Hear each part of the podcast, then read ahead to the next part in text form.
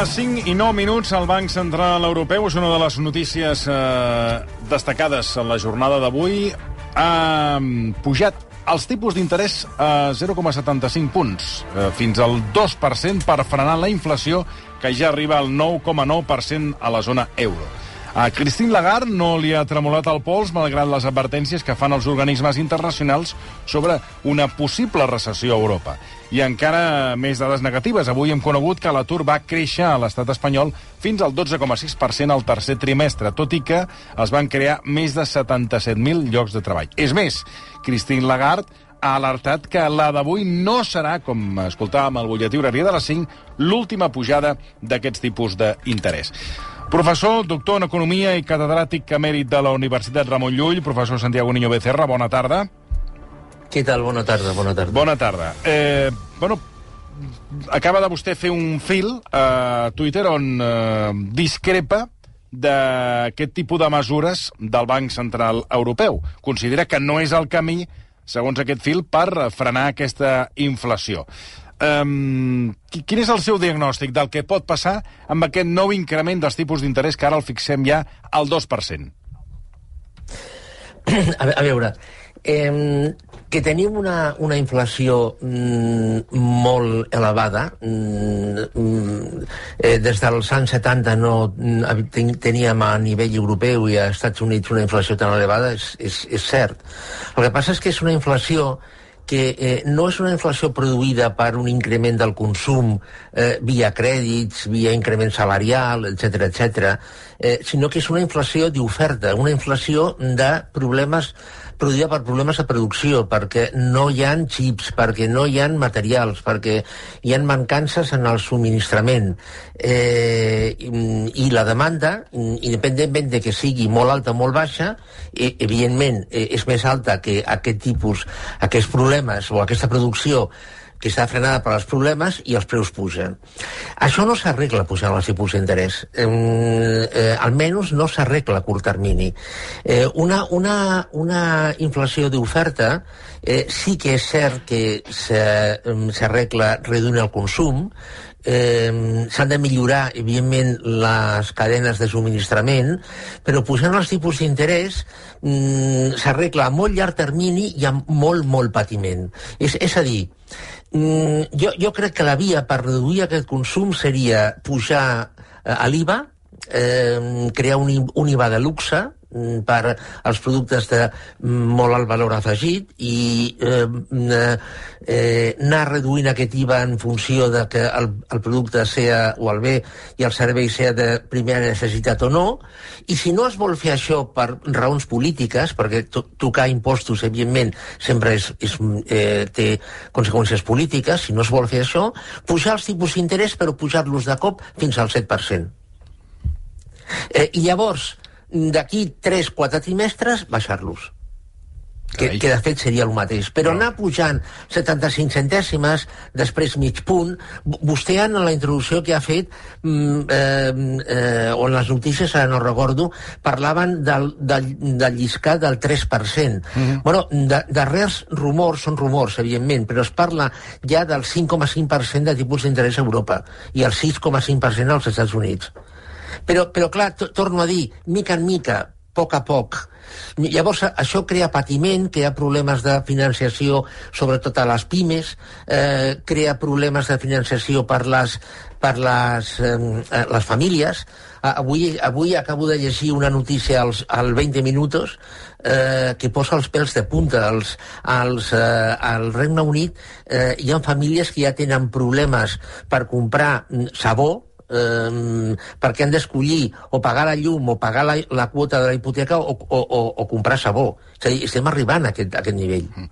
Mm, vostè apuntava que podríem arribar a veure tipus d'interès del 5,6 o 6%, però això, eh, li pregunto, eh, és, és sostenible econòmicament? O sigui, eh, es pot arribar a pagar el 5-6% de tipus d'interès? Sí, de, de, de fet, si recordem, això ja ho hem pagat.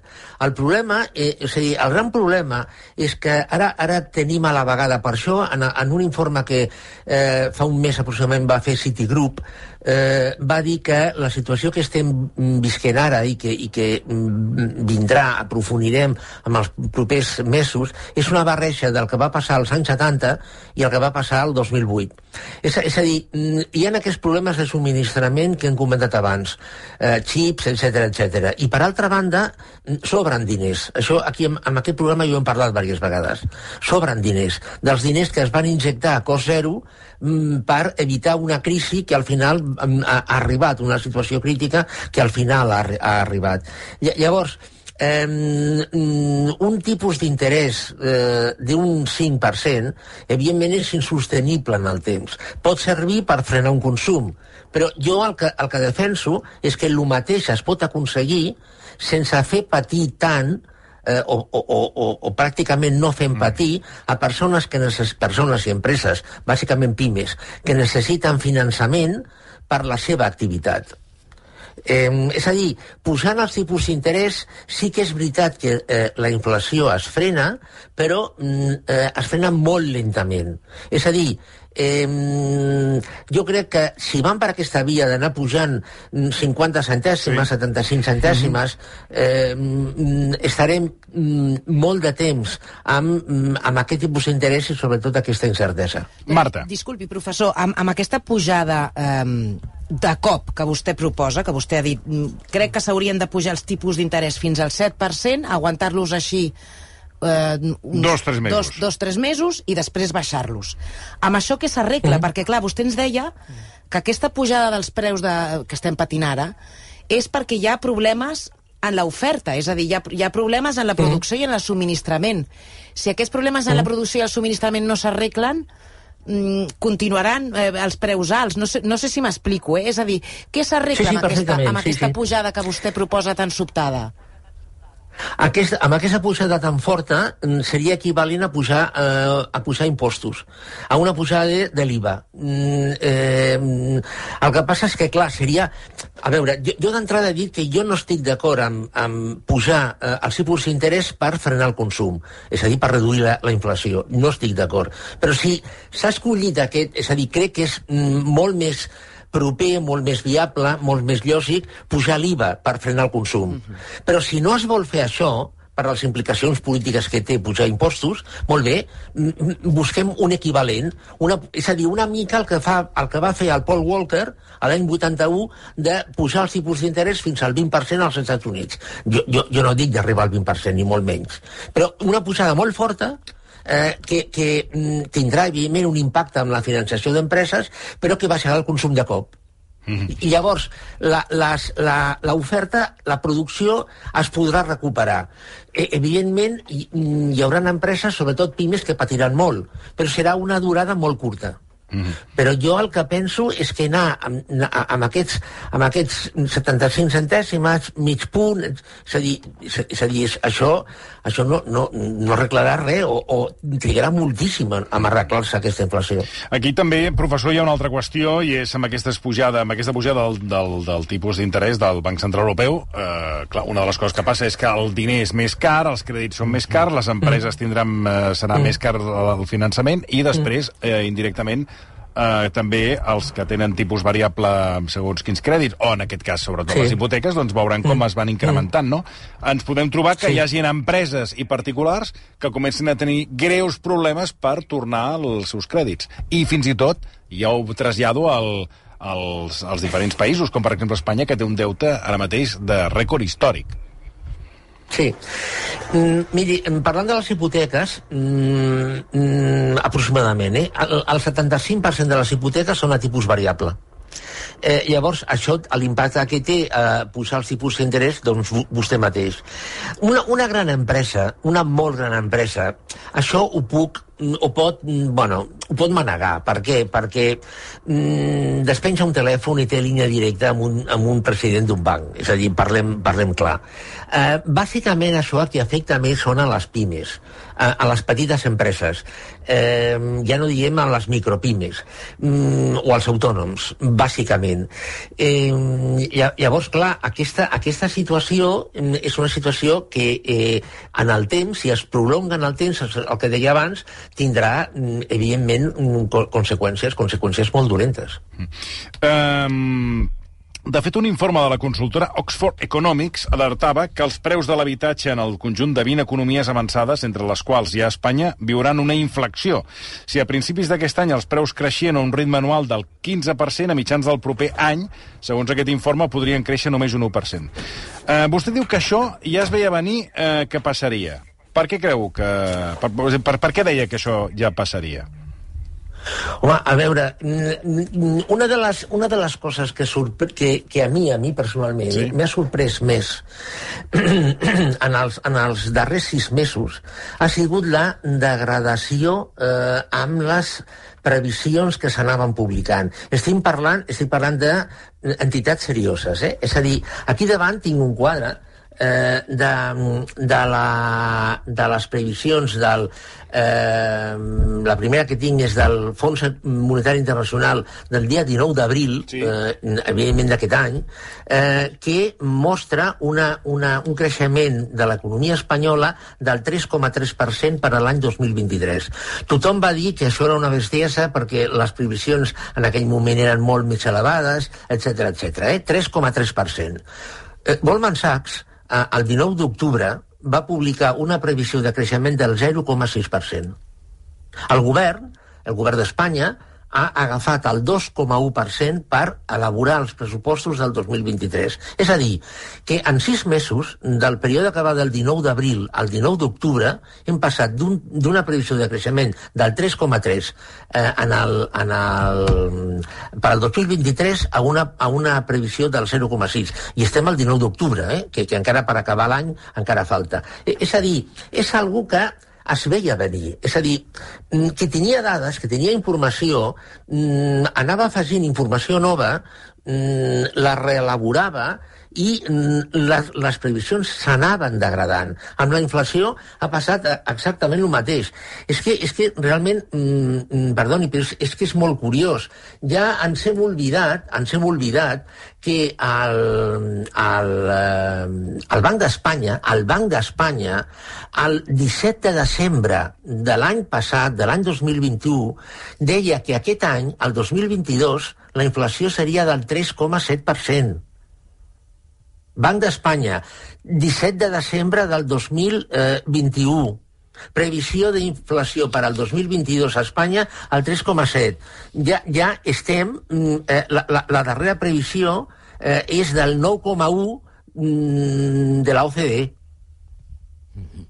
Llavors, clar, eh, hi ha una degradació tan brutal amb les, amb les, amb les dades, amb les previsions de dades? No, no, les previsions, la, les previsions és que no cal eh, que amb això, a vegades ja ho hem dit al programa, sí. aquestes previsions, una cosa és la previsió, l'altra és la realitat, que després Exactament. en moltes ocasions no, fet, no es confirma. Parlant de la realitat, demà sabrem justament quan ha crescut l'economia espanyola al tercer trimestre i les dades no seran positives perquè ja alerten des de l'Institut Nacional d'Estadística que el creixement mm. se situarà al voltant de zero.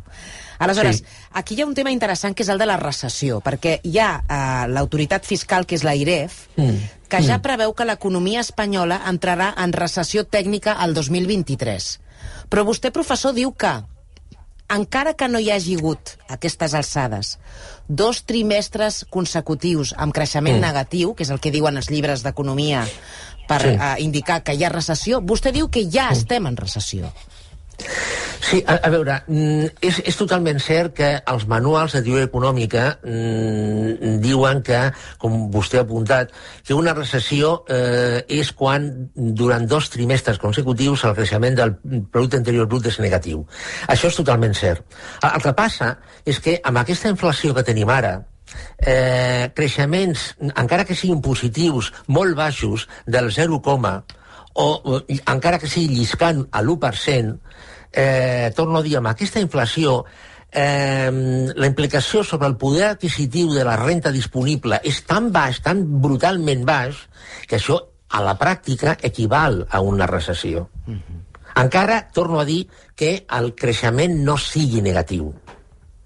Eh, perquè, clar, és a dir, una inflació com la que tenim ara hem de tenir en compte que des de fa 40 anys no, no, no, no hem tingut Eh, per això feia referència a aquest informe de Citigroup que eh, mm, deia que la situació que estem mm, visquent ara és una barreja de, el que, de la situació que es produïa als anys 70, amb aquelles... Evidentment no hem arribat a inflacions del 17%, evidentment, ni, ni crec que arribarem, perquè la situació és totalment diferent, però mm, això barrejat amb una, amb una, amb una situació mm, financera molt, molt complicada i amb una deuta mm, elevadíssima. És, és una situació molt, molt complexa. En, en, en conseqüència, encara que no sigui una, un, un dos trimestres negatiu, amb creixement negatiu, a la pràctica, de cara a les famílies, a les persones, consum, etc etc, vull dir, equival a una recessió. És a dir, vostè pensi que eh, ara no recordo si va ser Pimec o CECOT, eh, no recordo, van fer un, un bueno, pues farà 15 dies o un mes, van presentar un estudi que mm, el 5% dels comerços a Espanya poden tancar. Estem parlant del 5%, eh? Bueno, eh, ja quan, eh, per exemple, en el sector on es, eh, es necessita molta energia, per exemple, en els forns, eh, hi ha tot un seguit de, de, de sectors que, que, que estan eh, amb l'aigua al coll per la despesa sí. energètica. La restauració també està passant el mateix, és a dir, que veurem tot això com, com es gestiona. Eh, abans parlava vostè del que està passant al Regne Unit, eh, on ja deia vostè que mm, hi ha gent que ja... Mm, no tenen ni, ni, ni diners per comprar sabó o desodorant, sinó que han, han sí. de prioritzar altres coses més importants. I jo li pregunto, això també pot arribar a passar aquí? O ja està passant i, i no se'n parla? Jo, personalment, a veure, Espanya està... Jo, personalment, crec que ja està passant. És a dir, per contestar obertament a la pregunta que, que vostè m'ha fet. El que passa és que Espanya està en una situació, diguem-ne, molt mm, especial. És a dir, estem eh, a dia 27 d'octubre. Sí. Mm, per l'any vinent eh, falta molt poc. Mm, falten dos mesos i escacs. A l'any vinent, a Espanya, hi ha un munt d'eleccions. Hi ha eleccions municipals, uh -huh. hi ha eleccions en diverses eh, regions, a diverses comunitats autònomes, i hi ha eleccions generals. Jo, jo penso, sota el meu punt de vista, que eh, l'any 2023 es tractarà de camuflar no sé, potser camuflar no sigui una paraula mm, massa correcta, no? però dissimular la situació, i jo crec que Brussel·les mm, donarà peu perquè això passi eh, i bueno, tinguem un, un, un any electoral, perquè no és un període electoral, és un any electoral tranquil.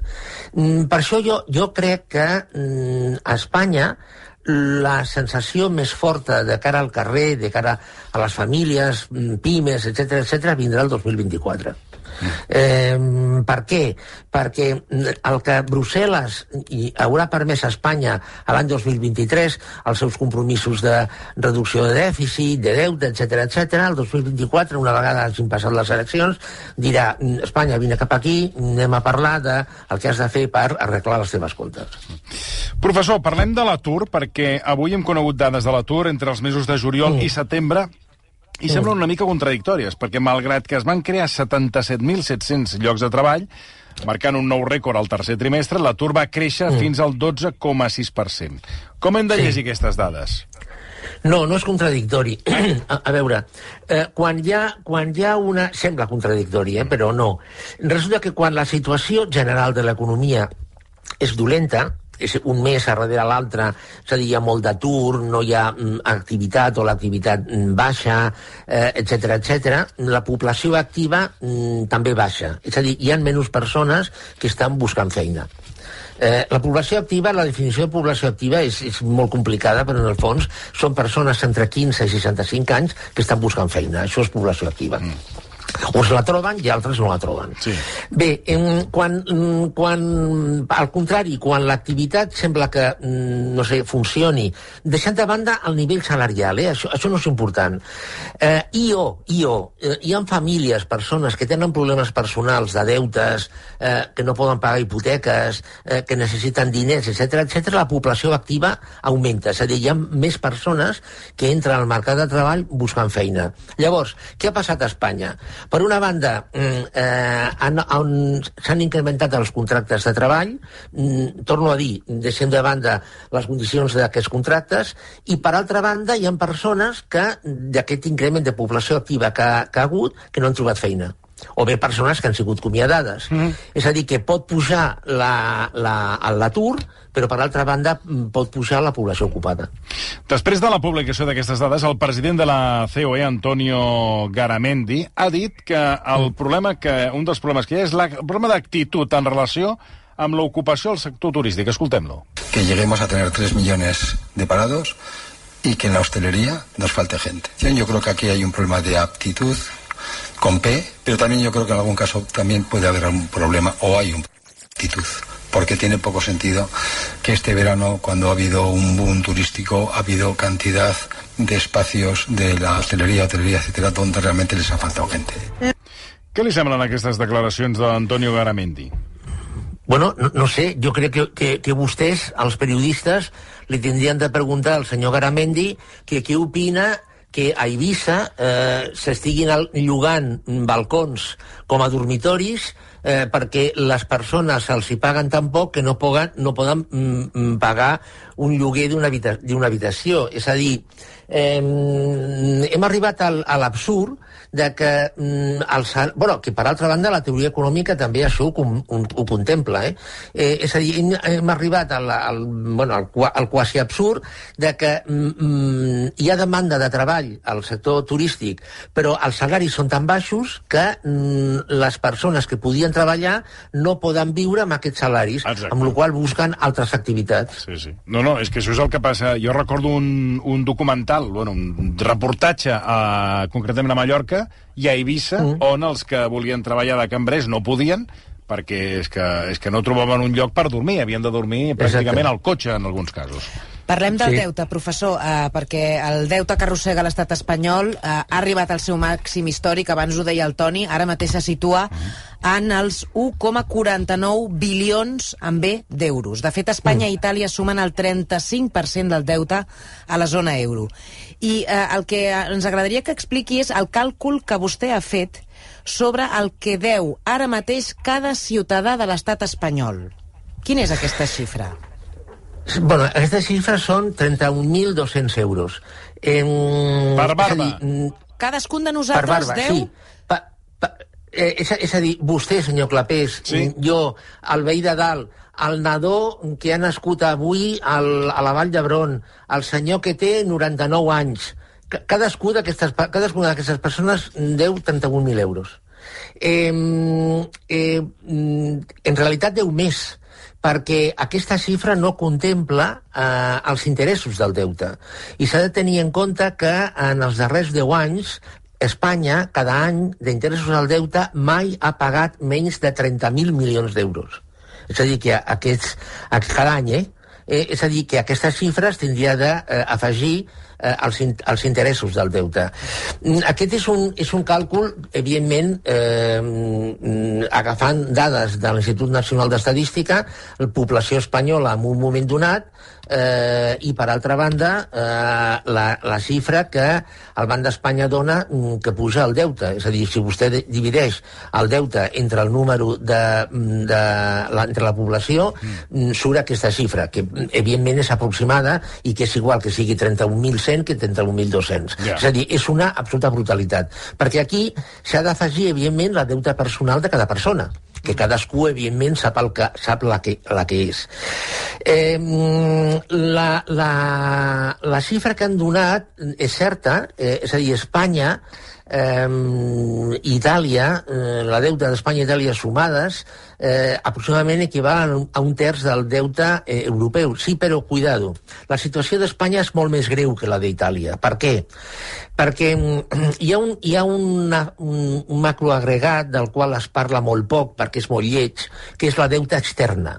La deuta externa què és? És la quantitat de deute que no tenen els inversors del país, sinó que tenen inversors de fora. Bancs, fons d'inversió, grans tenidors, eh, grans, etc etc. Eh, llavors, la, la, Espanya té l'immens honor de ser el segon país del món eh, que té més deute exterior. És a dir, el 150... Eh, Espanya té un deute exterior que equival al 150% del seu PIB.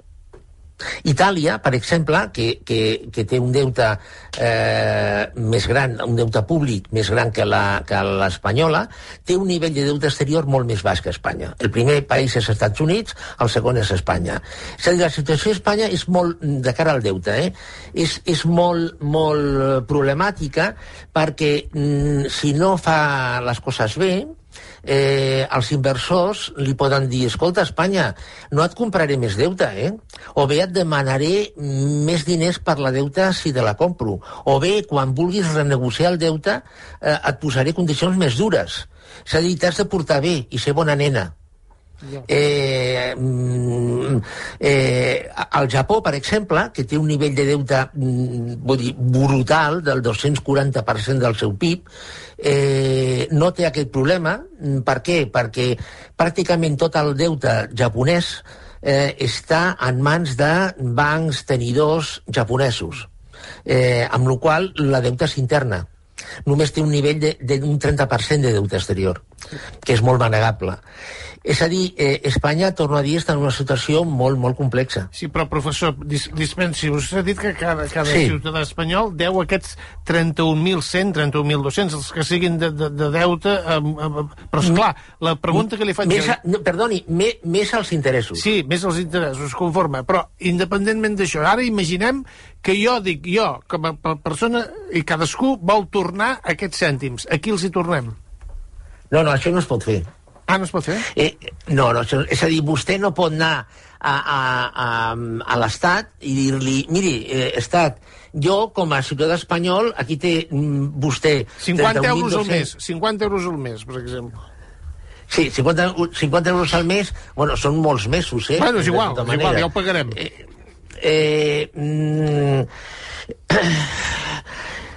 Bueno, eh, a veure, eh, vostè ha plantejat una cosa que és molt curiosa.